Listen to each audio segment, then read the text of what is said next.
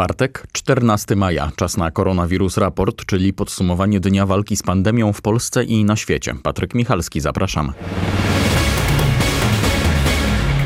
Kolejny dzień dużych wzrostów liczby zakażonych na Śląsku. W innych regionach kraju sytuacja jest na tyle dobra, że Ministerstwo Zdrowia zapowiada zniesienie nakazu noszenia maseczek. W Europie koronawirus słabnie. Takie dobre informacje przekazuje Światowa Organizacja Zdrowia. O szczegółach za kilka minut. 411. O tyle wzrosła dziś liczba potwierdzonych przypadków zakażenia koronawirusem w Polsce. Ponad 300 przypadków zdiagnozowano w województwie śląskim, co ma związek z kilkoma ogniskami choroby w kopalniach. Jutro rozpocznie się kolejna tura badań górników, zapowiada wiceminister zdrowia Sławomir Gadomski. Czekamy z niecierpliwością tak naprawdę na te wyniki z tej zwiększonej ilości realizowanych testów na Śląsku. Ogólnie wczorajszej doby zrealizowaliśmy ponad 25 tysięcy testów, więc tak naprawdę zbliżamy się do maksymalnych poziomów obecnej wydajności laboratoriów. Kolejne 22 osoby zmarły z powodu zakażenia koronawirusem. Łączna liczba chorych na COVID-19 w Polsce wynosi 17 615, z czego 883 osoby zmarły. Liczba ozdrowieńców zbliża się do 7 tysięcy. Dzięki stabilnej sytuacji epidemicznej Ministerstwo Zdrowia planuje stopniowo zmniejszać liczbę szpitali jednoimiennych, czyli tych, w których leczy się wyłącznie pacjentów z koronawirusem. O szczegółach Barbara Góra. Ograniczanie działalności placówek jednoimiennych może dotyczyć województw, w których jest więcej niż jeden taki szpital, powiedział wiceminister zdrowia Sławomir Gadomski. Będziemy analizowali możliwości wyodrębnienia w tych szpitalach jednoimiennych, które mają warunki do tego, żeby z jednej strony wyodrębnić w bezpieczny sposób tą działalność zakaźną, a z drugiej strony uruchomić normalną działalność. Wiceminister zaznaczył, że w związku z kolejnym etapem luzowania obostrzeń pewna liczba tych placówek musi pozostać. Jesteśmy po pierwszej transzy poluzowań w końcówce kwietnia, po y, drugiej istotnej z dnia wczorajszego. Chcielibyśmy tą gotowość jednak w tych szpitalach jeszcze zostawić. Na początku pandemii rząd powołał 19 szpitali jednoimiennych, ale stopniowo ich liczba zwiększała się. Obecnie działa ich 91. Wiceminister Sławomir Gadomski dodaje, że pozostałe szpitale są gotowe wznowić normalną działalność,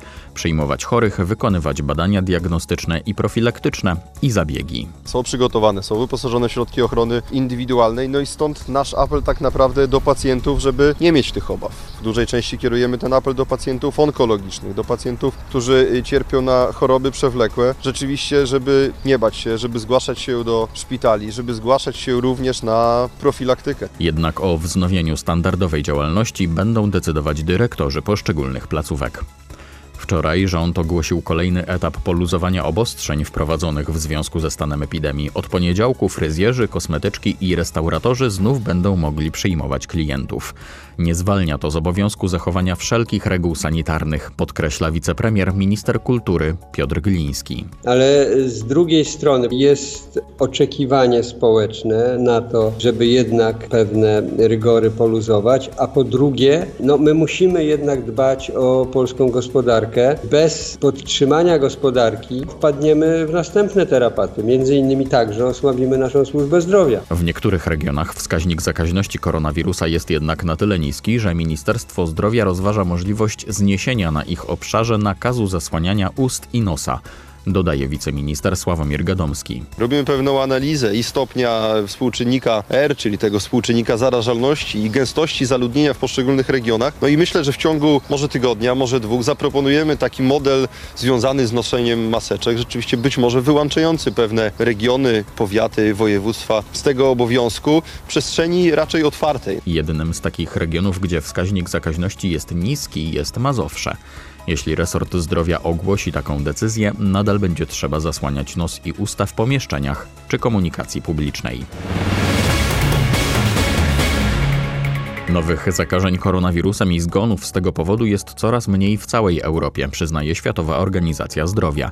Dyrektor Europejskiego Biura Organizacji Hans Kluge podkreśla, że wprowadzone na całym kontynencie obostrzenia przynoszą pozytywne efekty, ale wciąż są kraje, w których sytuacja jest poważna.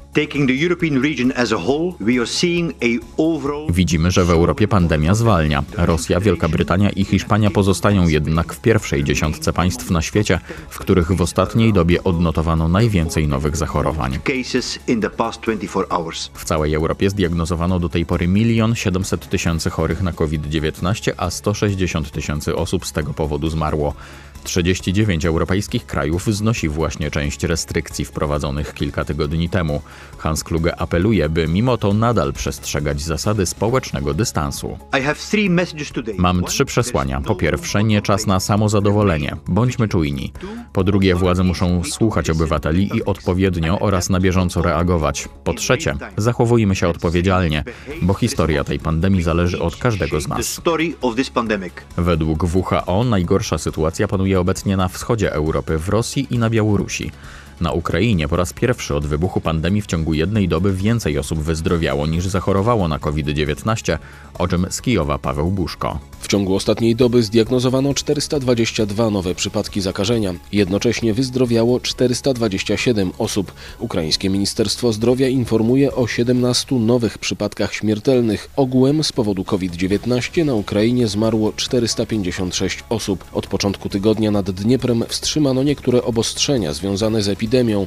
Pozwolono na otwarcie m.in. zakładów fryzjerskich czy gabinetów stomatologicznych. Wciąż jednak nie działa komunikacja miejska i regularne połączenia krajowe i zagraniczne. Przeciwko temu w Kijowie protestowało wczoraj kilkuset przewoźników. Jednocześnie mer ukraińskiej stolicy zaapelował do władz centralnych o pozwolenie na uruchomienie od 25 maja kijowskiego metra. Coraz poważniejsza jest za to sytuacja w Ameryce Południowej i na Karaibach, gdzie odnotowano już ponad 400 tysięcy przypadków zakażenia koronawirusem. Zmarło już ponad 23 tysiące osób, z czego połowa w samej Brazylii. Liczba potwierdzonych przypadków odzwierciedla jednak tylko część całkowitej liczby zakażonych z powodu różnych metod obliczeń w różnych krajach. Ze stolicy Brazylii Aleksandra Pluta. Region będzie musiał też stawić czoła kryzysowi gospodarczemu wywołanemu przez pandemię.